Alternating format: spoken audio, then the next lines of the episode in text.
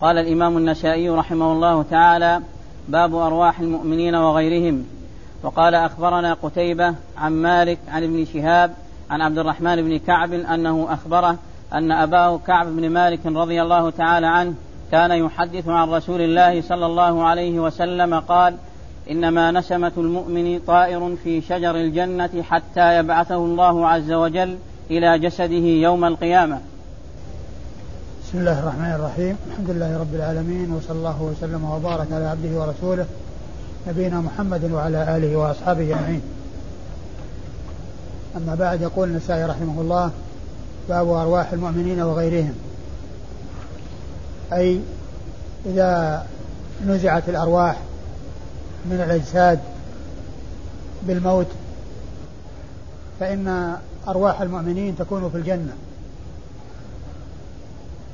وقد جاء في حديث كعب بن مالك الأنصاري رضي الله عنه الذي أورده النسائي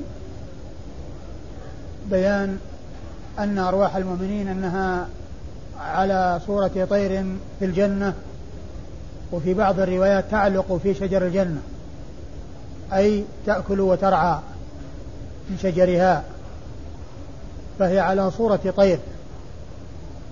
وجاء في بعض الأحاديث في حق الشهداء أنها في أجواف طير في أجواف طير خضر الشهداء جاء فيها فيها بأنها في أجواف طير. وأما أرواح المؤمنين فهي على صورة طير. على صورة طير تعلق في الجنة حتى يبعثه الله عز وجل إلى جسده حتى يبعثه نعم. حتى يبعث الله عز وجل إلى جسده يوم القيامة. حتى يبعثه يعني حتى يرده إلى جسده الرد الكامل. وإلا فإن الأرواح لها اتصال بالأجساد وتعاد إلى الأجساد وتكون في الجنة ولها تعلق بالأجساد. لا يعني أن الأجساد لا علاقة لها بالأرواح بل كما أنها في الجنة فإن لها اتصال بالأجساد. وأمور الغيب يجب الإيمان بها والتصديق. وإن كان لا يدرك الإنسان كنهها بل عليه الإيمان والتصديق. وأمور الآخرة وأمور البرزخ وأمور الغيب ليست مما هو مثل ما هو مشاهد في الدنيا ومثل ما هو معروف في الدنيا. فإنها تكون في الجنة ومع ذلك لها اتصال في الأجساد. كما أنه جاء في بعض الأحاديث أن الإنسان يكون في قبره ويفتح له باب من الجنة إن كان من المؤمنين وباب إلى النار إذا كان من الكافرين ويصل إليه عذاب الجنة عذاب النار ونعيم الجنة. يصل نعيم الجنة إلى من يستحقه وعذاب النار إلى من يستحقه في القبر. ومن المعلوم أن الجنة في السماء وسقفها عرش الرحمن ومع ذلك فإن الله تعالى يفتح باب يعني يفتح له في قبره باب إلى الجنة ويفتح لمن كان بخلاف ذلك باب إلى النار. وأمور الغيب يجب الإيمان بها والتصديق وإن لم يدرك الإنسان كنهاها لأنها ليست من جنس ما هو معروف في الدنيا. أورد النسائي حديث كعب بن مالك رضي الله عنه أنه كان يحدث عن رسول الله صلى الله عليه وسلم أنه قال إنما نسمة المؤمن طائر في الجنة. طائر إنما نسمة الجنة؟ نعم. إنما نسمة المؤمن في شجر الجنة. ما في صورة طير هنا؟ لا نسمة المؤمن طائر. أيوه. نعم. إنما نسمة المؤمن طائر في الجنة حتى يبعثه الله إلى جسده يوم القيامة. حتى يبعثه الله إلى جسده يوم القيامة. يعني أن الأرواح تكون في الجنة على صورة طير وأنها تعلق في الأشجار أي تأكل منها وتنتفع بها أي أشجار الجنة. هذه أرواح المؤمنين ولكن لها ارتباط بالأجسام ولها اتصال بالأجسام على الكيفية التي شاء الله عز وجل والتي يعلم الله سبحانه وتعالى. أما الشهداء فقد جاء في أنها في أجواف طير خضر أنها في أجواف طير خضر. وقد قال بعض أهل العلم إن الله تعالى خص الشهداء بأن جعل أجوافهم أرواحهم في أجواف طير خضر أنها لما كانت أرواحهم في أجسادهم وقد أرخصوها في سبيل الله قدموا أنفسهم في الجهاد في سبيل الله حتى استشهدوا فالله تعالى جعل لتلك الأرواح آه، آه، أجواف طير كما كانت في أجساد في الدنيا نقلها الله من جسد في الدنيا إلى آه، إلى أجواف طير في الجنة. فكانت فكانت في جسم في الدنيا فتكون في أجواف طير في الآخرة. لأنها كانت في جسد إنسان فتنتقل إلى جوف طير. أما أرواح المؤمنين فإنها تكون على صورة طير كما جاء في هذا الحديث أنها تكون على صورة طير. وهذا في عموم المؤمنين. أما خصوص المجاهدين في سبيل الله فقد جاء فيها أنها في أجواف طير. وأما إسناد هذا الحديث فيقول النسائي أخبرنا قتيبة نعم. وهو ابن سعيد بن جميل بن طريف البغلاني ثقة ثبت أخرج له أصحاب الكتب الستة. عن مالك بن أنس إمام دار الهجرة المحدث الفقيه الإمام المشهور أحد أصحاب المذاهب الأربعة المشهورة من مذاهب أهل السنة التي حصل لها شهرة وحصل لها انتشار ووجد أتباع عنوا بها وخدموها فتميزت على غيرها بهذا السبب. وإلا فإن هناك من العلماء في زمنهم وبعد زمنهم وقبل زمنهم من كانوا أصحاب اجتهاد ولكن ما حصل لهم مثل ما حصل لهؤلاء الأئمة الأربعة. فإنه كان في أزمانهم قريبا من أزمانهم مثل الليث بن سعد المصري فقيه مصر ومحدثها وفي عبد الرحمن أبو عبد أبو عمرو الأوزاعي. عبد الرحمن الأوزاعي فقيه الشام ومحدثها. وكذلك سفيان الثوري وغيرهم من الأئمة الأجلة المشهود لهم بالفقه وإسحاق بن راهوية الذين جمعوا بين الفقه والحديث. ولهم اجتهادات ولهم أقوال كثيرة منثورة في كتب الفقه والحديث. وفي كتب التفسير. عندما يأتي مسألة المسائل قال فلان كذا وقال فلان كذا وقال فلان كذا. لكن هؤلاء الأربعة اشتهروا بهذا لأنه حصل لهم أتباع وحصل لهم تلاميذ وأناس عنوا بمذاهبهم فاشتهروا بذلك. وإلا فإن فيه من هو مثلهم في الفقه وفي التمكن في العلم مثل الذين أشرت إليهم في أقطار مختلفة.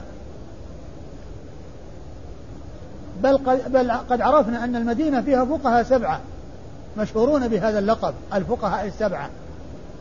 معروفون بالفقه ومعروفون بالحديث. وفي كل زمن في الأزمان المتقدمة.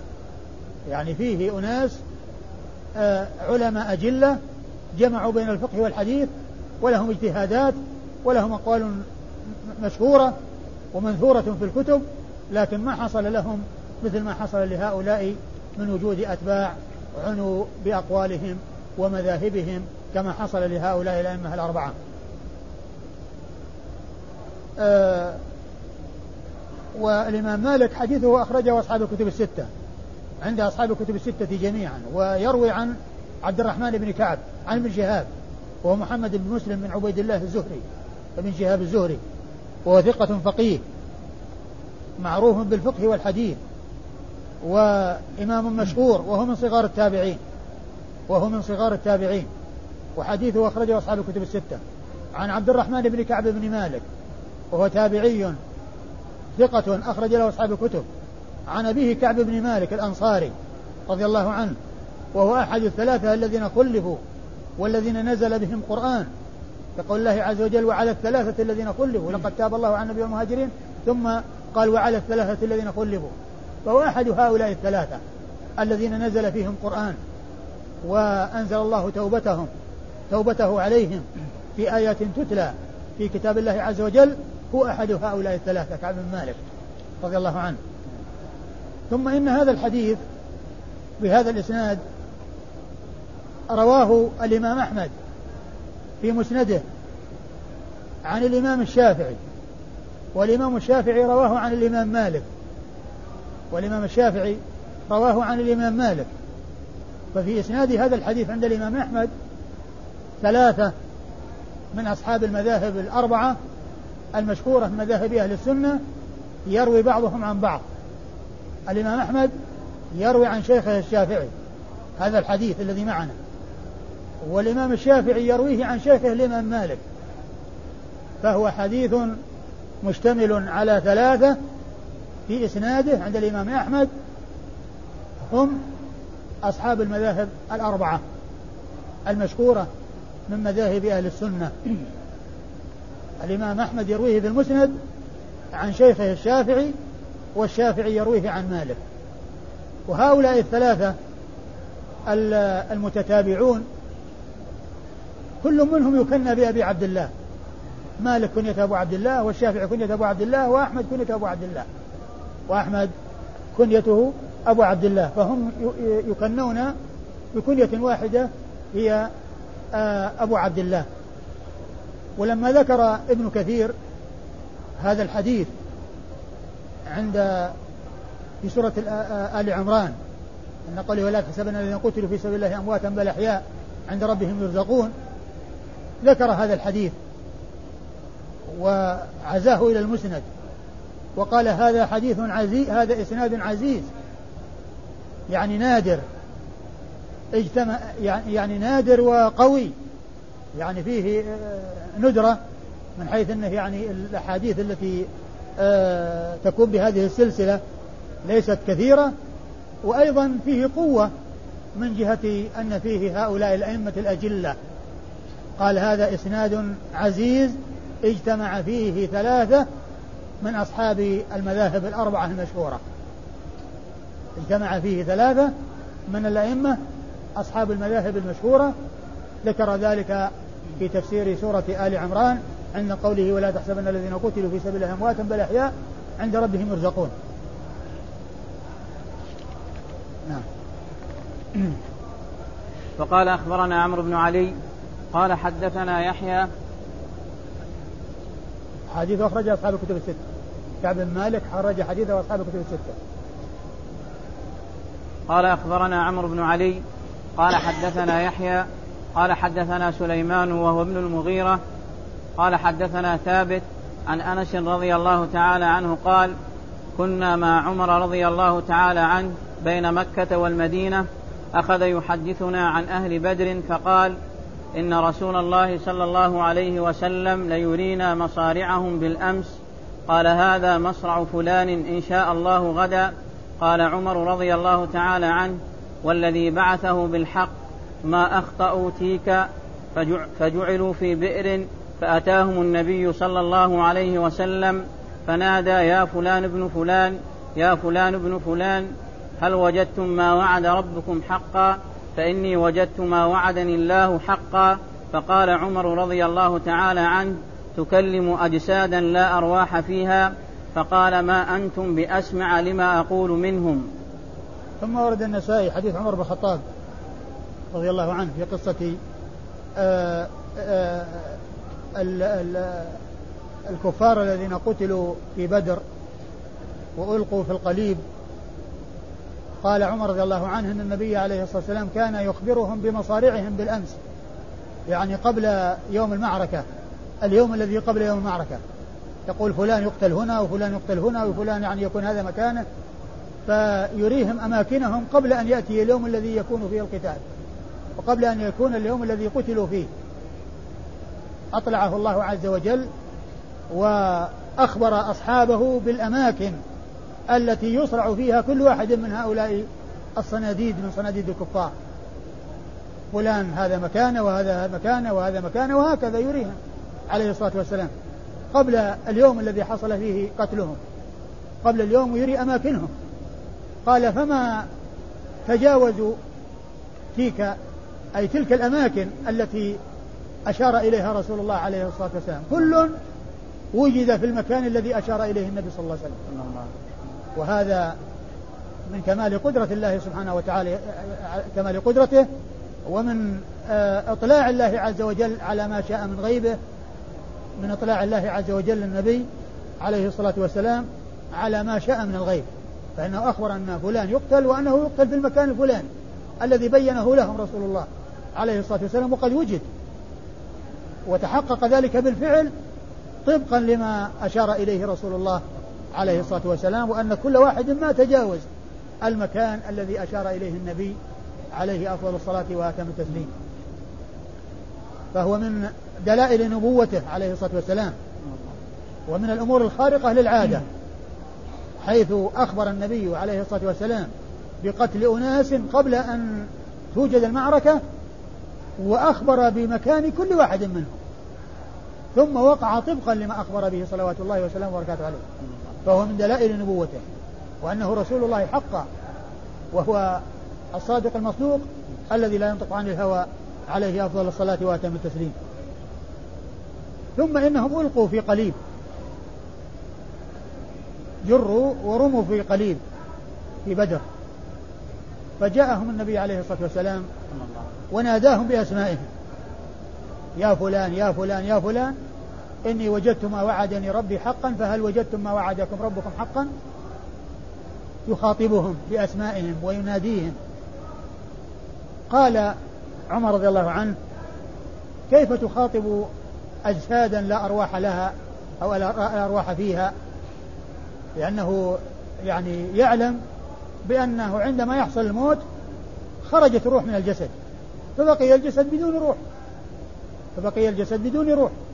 لكن كما عرفنا الأجساء الأرواح تعاد إلى الأجساد وحديث البراء بن عازب الطويل المشهور إذا وضع الإنسان في قبره يأتيه ملكان فيجلسانه تعاد إليه روحه ويأتيه ملكان ويجلسانه ويسأل ويجيب إن كان من الموفقين أتى بالجواب الطيب الذي يثبته الله عليه وإن كان من المخذولين كان بخلاف ذلك والعياذ بالله فقوله تخاطب أجسادا لا أرواح فيها يعني أنهم قد ماتوا لكن الروح لها اتصال بالجسد. وحديث البراء بن عازب دل على أن الروح ترجع للجسد لكن لا يعني أنها تكون موجودة في الأجساد دائما بل تذهب ويكون لها اتصال بالأجساد. والله على كل شيء قدير. النبي عليه الصلاة والسلام قال ما أنتم بأسمع مما أقول ما أنتم بأسمع مما أقول منهم. لأسمع لما أقول منهم. يعني أنهم هم يسمعون. وأنتم لستم أسمع منهم. وإن كنتم يعني بجواري والله تعالى أسمعهم ذلك. لكن هذا لا يعني أن كل ميت يسمع إذا خوطب. لأن هذا يعني دليل خاص. والنبي عليه الصلاة والسلام خاطبهم لأن في ذلك تبكيت. وتقريع لهم لأنهم الذين توغلوا في الإيذاء للرسول عليه الصلاة والسلام واشتدوا في الأذى في إيذائه عليه الصلاة والسلام وحصل منهم ما حصل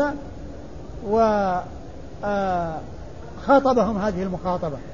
فلا يدل على أن الميت يخاطب وأنه يسمع من يخاطبه مطلقا وأن كل إنسان إذا خاطب ميتا فإنه يسمعه ويعلم ما يقول لا يدل هذا عليه وإنما هذا حصل مع هؤلاء في هذه القصة وفي هذه الحادثة.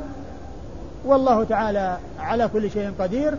آه، أسمعهم حتى يكون في ذلك زيادة عذاب لهم وزيادة تقريع وتبكيت لهم لأنهم حصل منهم ما حصل من شدة الإيذاء للرسول عليه الصلاة والسلام وللمسلمين معه. صلوات الله وسلامه وبركاته عليه. طيب المتن نعم. المتن قال كنا مع عمر عن انس رضي الله تعالى عنه قال كنا مع عمر بين مكة والمدينة أخذ يحدثنا عن أهل بدر فقال إن رسول الله صلى الله عليه وسلم ليرينا مصارعهم بالأمس. قال هذا مصرع فلان إن شاء الله غدا.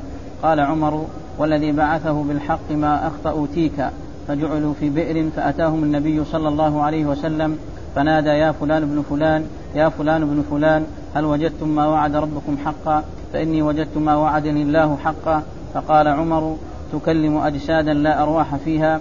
فقال ما أنتم بأسمع لما أقول منهم نعم. أيوة حدثنا قال أخبرنا عمرو بن علي. أخبرنا عمرو بن علي هو الفلاس. عمرو بن علي الفلاس المحدث الناقد وهو ثقة ثبت أخرج حديثه أصحاب الكتب الستة.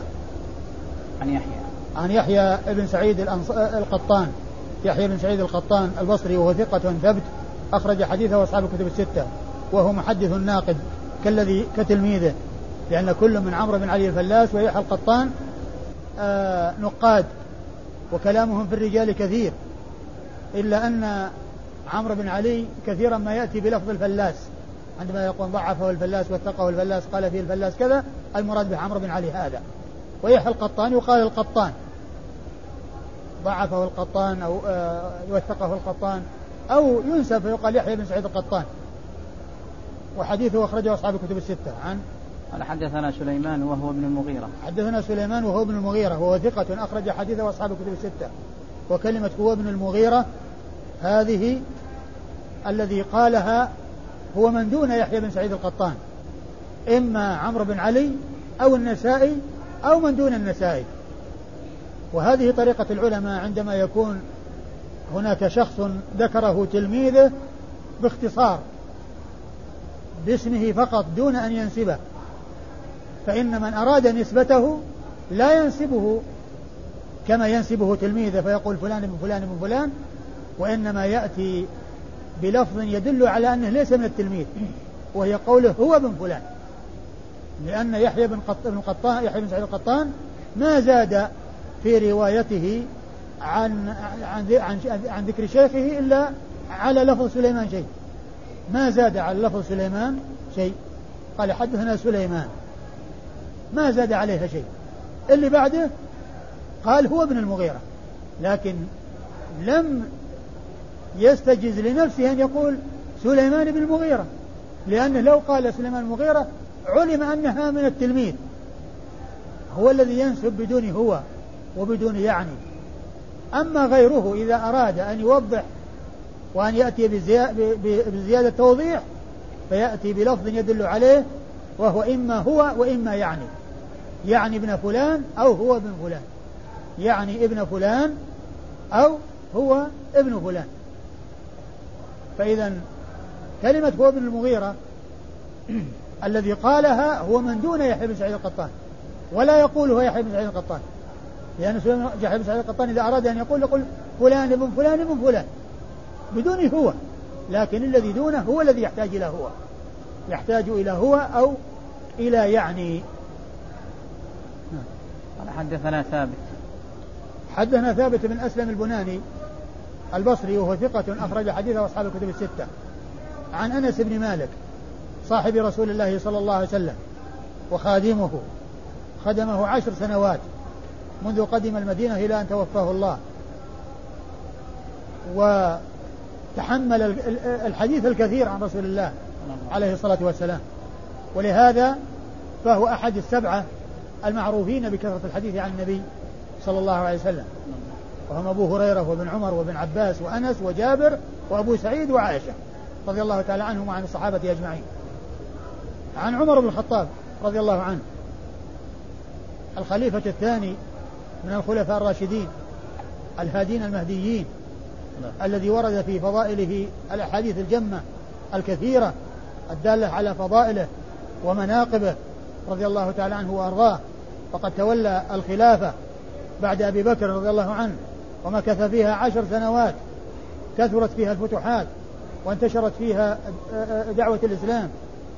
وفتحت البلاد في تلك السنوات فكان تحقق فيه ما قاله الرسول عليه الصلاة والسلام في الرؤيا التي رآها وهي أنه لما أنه رأى نفسه على بئر يمتح منها من الماء فامتح متح منها ما شاء الله أن يمتح ثم أخذها ابن أبي قحافة فمتح منها ذنوب ذنوبا أو ذنوبين ثم أخذها ابن الخطاب فاستحالت غربا فلم أرى عبقريا يفري فرية حتى ضرب الناس بعطن. يعني حتى رووا من الماء وهذا فيه إشارة إلى انتشار الإسلام في زمانه وإلى كثرة الفتوحات في زمانه وإلى طول خلافته طول مدة خلافته وحصول الفتوحات العظيمة التي حصلت فيها رضي الله تعالى عنه وأرضاه. وهو أحد العشرة الذين سردهم النبي صلى الله عليه وسلم في حديث واحد وبشرهم بالجنة أولهم الخلفاء الراشدين الأربعة. النبي عليه الصلاة والسلام قال أبو بكر في الجنة وعمر في الجنة وعثمان في الجنة وعلي في الجنة وطلحة في الجنة والزبير في الجنة وعبد الرحمن بن عوف في الجنة وسعيد بن زيد في الجنة وسعد بن أبي وقاص في الجنة وأبو عبيدة بن الجراح في الجنة. سردهم في حديث واحد وثانيهم بل أفضلهم وأفضل الصحابة عموما بعد الصديق الفاروق رضي الله تعالى عنه وأرضاه. وقال أخبرنا سويد بن نصر قال أخبرنا عبد الله عن حميد عن أنس رضي الله تعالى عنه قال سمع المسلمون من الليل ببئر بدر ورسول الله صلى الله عليه وسلم قائم ينادي يا أبا جهل بن هشام ويا شيبة بن ربيعة ويا عتبة بن ربيعة ويا أمية بن خلف هل وجدتم ما وعد ربكم حقا؟ فإني وجدت ما وعدني ربي حقا. قالوا يا رسول الله صلى الله عليه وسلم أو تنادي قوما قد جيفوا؟ فقال ما أنتم بأسمع لما أقول منهم ولكنهم لا يستطيعون أن يجيبوا. ثم ورد النسائي حديث عمر بن الخطاب رضي الله عنه من طريق أخرى وهو مثل الذي قبله وهنا ناداهم بأسمائهم. يا أبا جهل بن هشام يا شيبة بن ربيعة يا شيبة يا عتبة بن عتبة عتبة بن ربيعة. نعم. يا فلان يا فلان بأسمائهم. هل وجدتم ما وعدكم ربي ربكم حقا؟ فإني, ما وجد فإني وجدت ما وعدني ربي حقا. فقيل يا رسول الله تخاطب قوما قد جيفوا؟ يعني صاروا جيفا؟ يعني ماتوا وتغيرت أجسادهم وصارت جيف؟ هذا هو معنى قوله جيفوا. يعني صاروا جيفا. قال عليه الصلاة والسلام ما أنتم بأسمع لما أقول منهم إلا أنهم لا يستطيعون الكلام. يعني لا يستطيعون أن يردوا ولكنهم يسمعون. لأن المقصود هو تبكيتهم وتقريعهم وقد حصل ذلك. فإنهم سمعوا وأسمعهم الله عز وجل ولكنهم لا يستطيعون أن يجيبوا. نعم الإسناد قال أخبرنا سويد بن نصر. سويد بن نصر المروزي ثقة أخرج حديثه الترمذي والنسائي. يروي عن عبد الله وهو ابن المبارك المروزي وهو ثقة أخرج حديثه أصحاب الكتب الستة. يروي عن حميد عن حميد. عن حميد بن أبي حميد الطويل وهو ثقة أخرج حديثه أصحاب الكتب الستة. وذكر في ترجمته أنه مات وهو ساجد في الصلاة. حميد بن أبي حميد الطويل قالوا إنه مات فجأة في الصلاة وهو ساجد وحديثه أخرجه أصحاب الكتب الستة. يروي عن أنس وقد مر ذكره. وهذا الحديث رباعي من أعلى الأسانيد عند النسائي لأن فيه سويد بن نصر وابن المبارك وحميد وأنس. أربعة بين النسائي فيه وبين رسول الله عليه الصلاة والسلام أربعة أشخاص. وعن أنس ما في نعم. ما في ذكر عمر. لا ما نعم. عن أنس أربعة أشخاص. نعم. بين النسائي وبين رسول الله عليه الصلاة والسلام أربعة أشخاص. اثنان مروزيان و واثنان بصريان. اثنان مدني مروزيان وهما سويد وعبد الله المبارك واثنان بصريان وهما حميد بن أبي حميد الطويل وأنس بن مالك. نعم. وقال أخبرنا محمد بن آدم قال حدثنا عبده عن هشام عن أبيه عن ابن عمر رضي الله تعالى عنهما أن النبي صلى الله عليه وسلم وقف على قليب بدر فقال هل وجدتم ما وعد ربكم حقا؟ قال إنهم ليسمعون. الآن ما أقول لهم. فذكر ذلك لعائشة رضي الله تعالى عنها فقالت وهل ابن عمر رضي الله تعالى عنهما إنما قال رسول الله صلى الله عليه وسلم إنهم الآن يعلمون أن الذي كنت أقول لهم هو الحق ثم قرأت قوله إنك لا تسمع الموتى حتى قرأت الآية. ثم ورد النسائي حديث عائشة حديث عائشة رضي الله عنها وأرضاها أنها لما بلغها عن ابن عمر رضي الله تعالى عنه وأرضاه ما جاء في أهل بدر أي الكفار الذين قتلوا وأن النبي صلى الله عليه وسلم قال ما أنتم بما أسمع لما أقول منهم قالت وهل ابن عمر يعني غلط وأخطأ؟ إنما قال النبي صلى الله عليه وسلم أو إنما أراد النبي صلى الله عليه وسلم أنهم يعلمون ما أقول لهم. ثم تلت الآية إنك لا تسمع الموتى. وهي استدلت بالعموم بعموم الآية. ولكن كما هو معلوم هذا مما خص من عمومها. هذا مما خص من عمومها وأن الله تعالى يعني آآ آآ أسمع هؤلاء الكفار هذا التبكيت وهذا التقريع الذي خاطبهم به رسول الله صلوات الله وسلامه وبركاته عليه. فالحديث ثابت عن ابن عمر وعن غيره وفيه حصول ثبوت السماع وما حصل من عائشة هو من الاستدلال بالآية ولكن آه يوفق بين ما استدلت به عائشة وبين ما جاء في هذه الأحاديث من أن هذا مما خص وأن الله تعالى أسمع هؤلاء لما فيه من التوبيخ والتقريع والتبكيت لهم لأنهم قد آذوا الرسول عليه الصلاة والسلام وبالغوا في إيذائه وخاطبهم بهذا الخطاب الذي فيه التقريع والتبكيت. الإسناد؟ لا شيء آخر حديث. ثم تلت الآية؟ نعم يا شيخ. أيوه. الذي بعده يعني لا حتى تلت الآية؟ نعم حتى إنك لا تسمع الموتى حتى قرات أي نعم. يعني إلى آخره. نعم نعم. الإسناد. قال أخبرنا محمد بن آدم. أخبرنا محمد بن آدم هو الجهني وهو صدوق أخرج حديثه أبو داود والنسائي. قال حدثنا عبده. قال حدثنا عبده بن سليمان الكوفي وهو ثقة. أخرج حديثه أصحاب الكتب الستة. عن هشام عن أبي. عن ابن شهاب. عن هشام. عن هشام بن عروة بن الزبير. وهو ثقة أخرج حديثه أصحاب الكتب الستة. عن أبيه. عن عرو عن أبيه عروة بن الزبير بن العوام تابعي مشهور أحد الفقهاء السبعة المشهورين في عصر التابعين في هذه المدينة مدينة رسول الله صلى الله عليه وسلم. أحد الفقهاء السبعة المشهورين في المدينة في عصر التابعين. فيهم أو منهم عروة ابن الزبير بن العوام الذي معنا في هذا الإسناد وحديثه أخرجه أصحاب الكتب الستة. يروي عن خالته عائشة. عن ابن عمر. يروي عن ابن عمر. يروي عن ابن عمر رضي الله تعالى عنهما وهو عبد الله بن عمر الصحابي الجليل. آه أحد العبادلة الأربعة من أصحاب رسول الله صلى الله عليه وسلم المشهورين بهذا اللقب. وأحد السبعة المعروفين بكثرة الحديث عن النبي صلى الله عليه وسلم. نعم. وقال أخبرنا قتيبة عن مالك ومغيرة عن أبي الزناد عن الأعرج. مالك ومغيرة. نعم. ومغيرة عن عن مالك ومغيرة. نعم. لأن معطوف على مالك. نعم.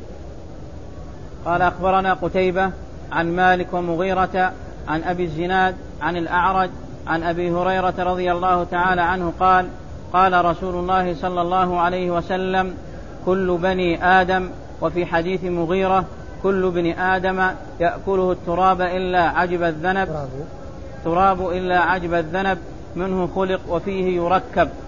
أو منه يركب. نعم.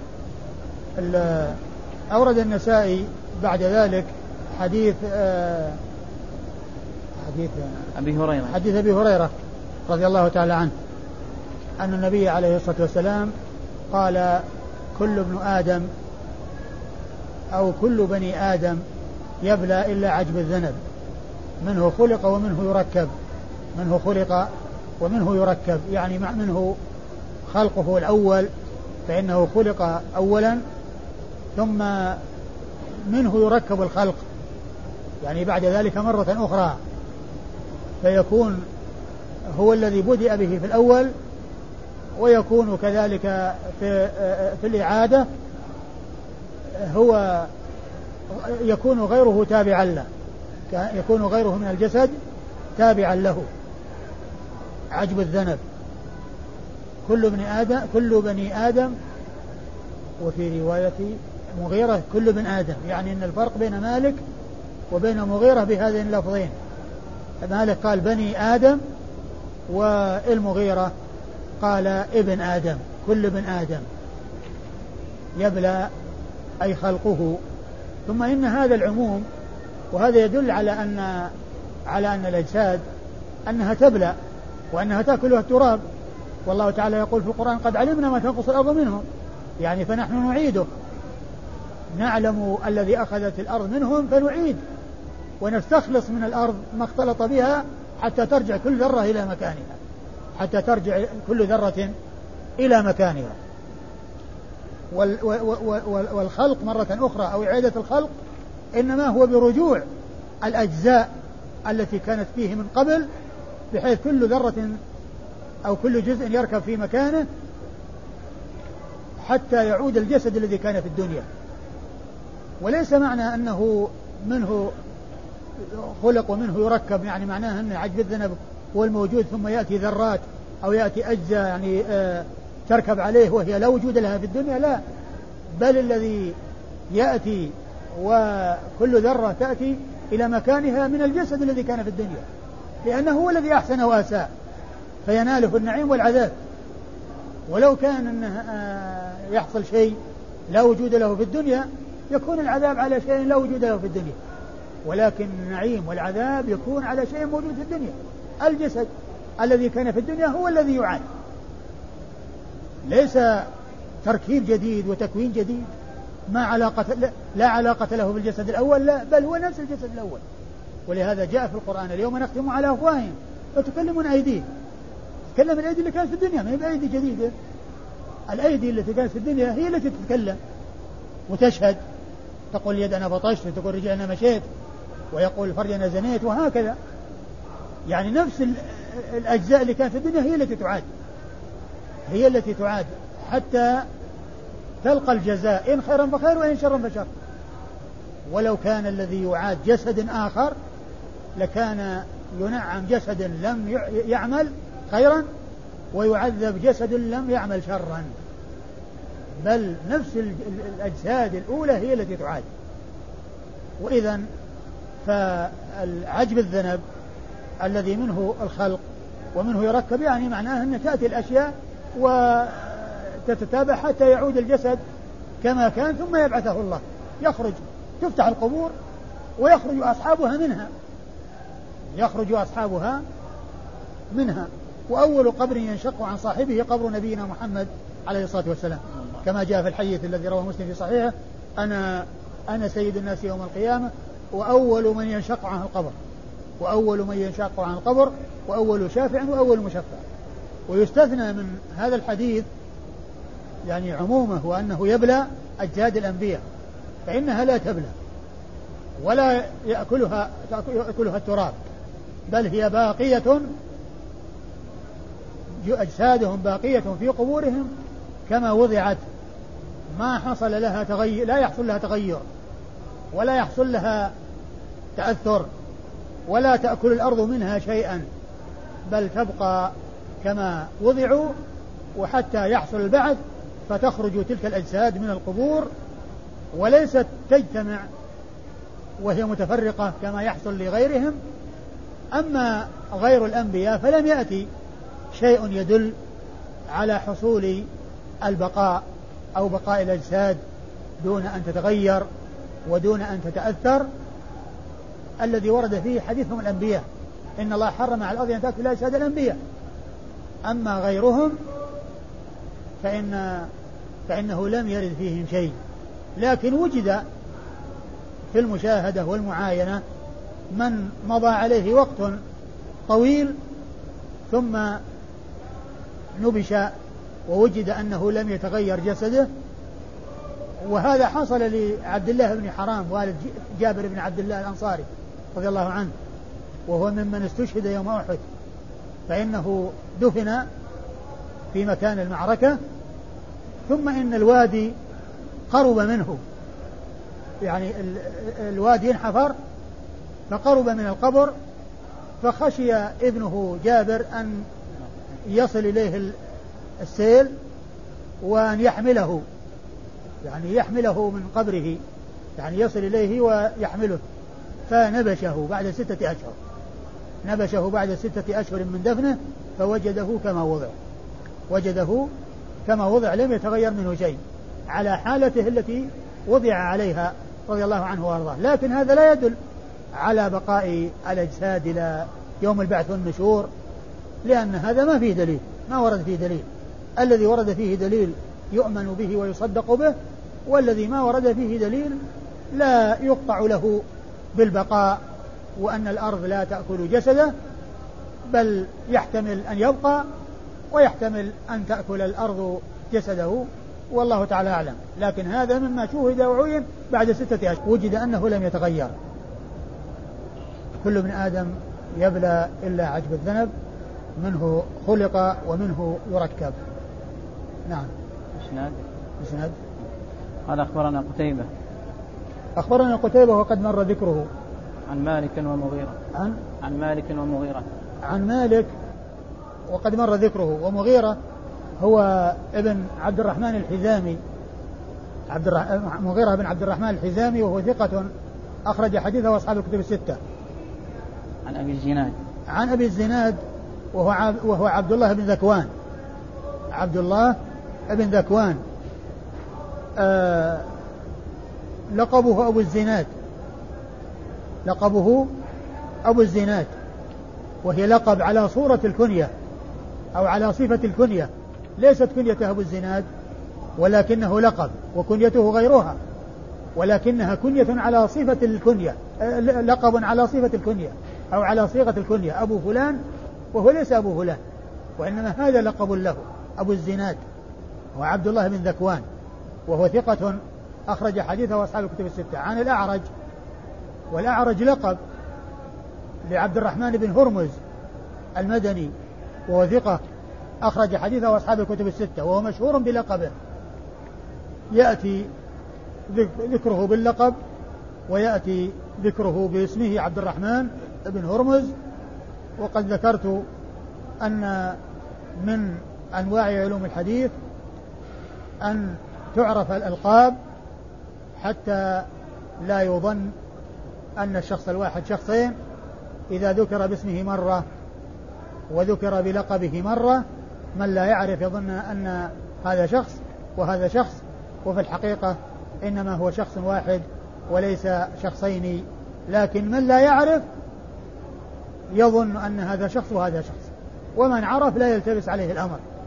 عبد الرحمن بن هرمز كنيته لقبه الأعرج وأبو الزناد أيضا هو لقب لعبد الله بن ذكوان. أبو الزناد لقب والأعرج لقب إلا أن الأول لقب على صيغة الكنية وعلى صفة الكنية.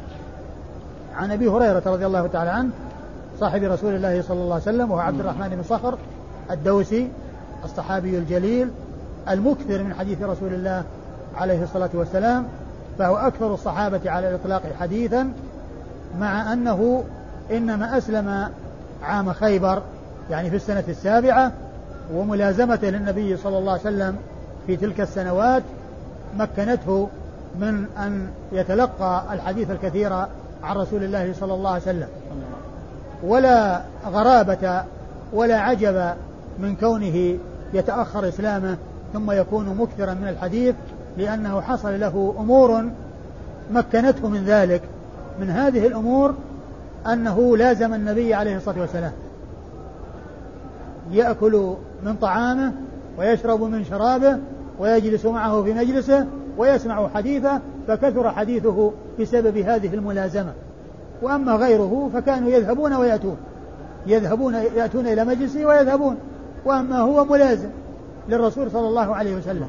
فقير ليس عنده ما يأكل إلا ما يحصله تبعا لرسول الله صلى الله عليه وسلم. فحصل له بذلك أن سمع الحديث الكثير من رسول الله صلى الله عليه وسلم.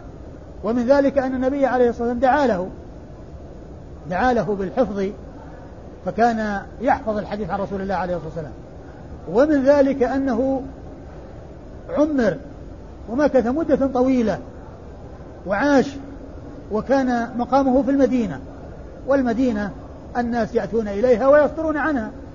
ومن المعلوم أن الذين يقدمون المدينة إذا سمعوا بصاحب رسول الله صلى الله عليه وسلم فيها يأتون إليه ويأخذون منه ويعطونه.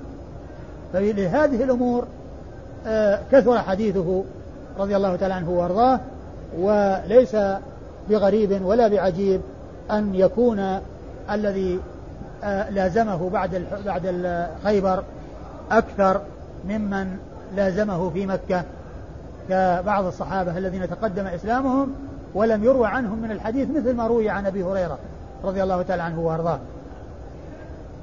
وهو أحد السبعة المعروفين بكثرة الحديث عن النبي صلى الله عليه وسلم بل هو أكثر السبعة على الإطلاق.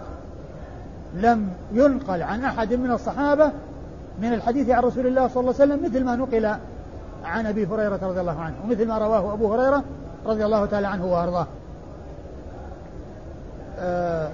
والله تعالى أعلم وصلى الله وسلم وبارك على عبده ورسوله نبينا محمد وعلى آله وأصحابه أجمعين.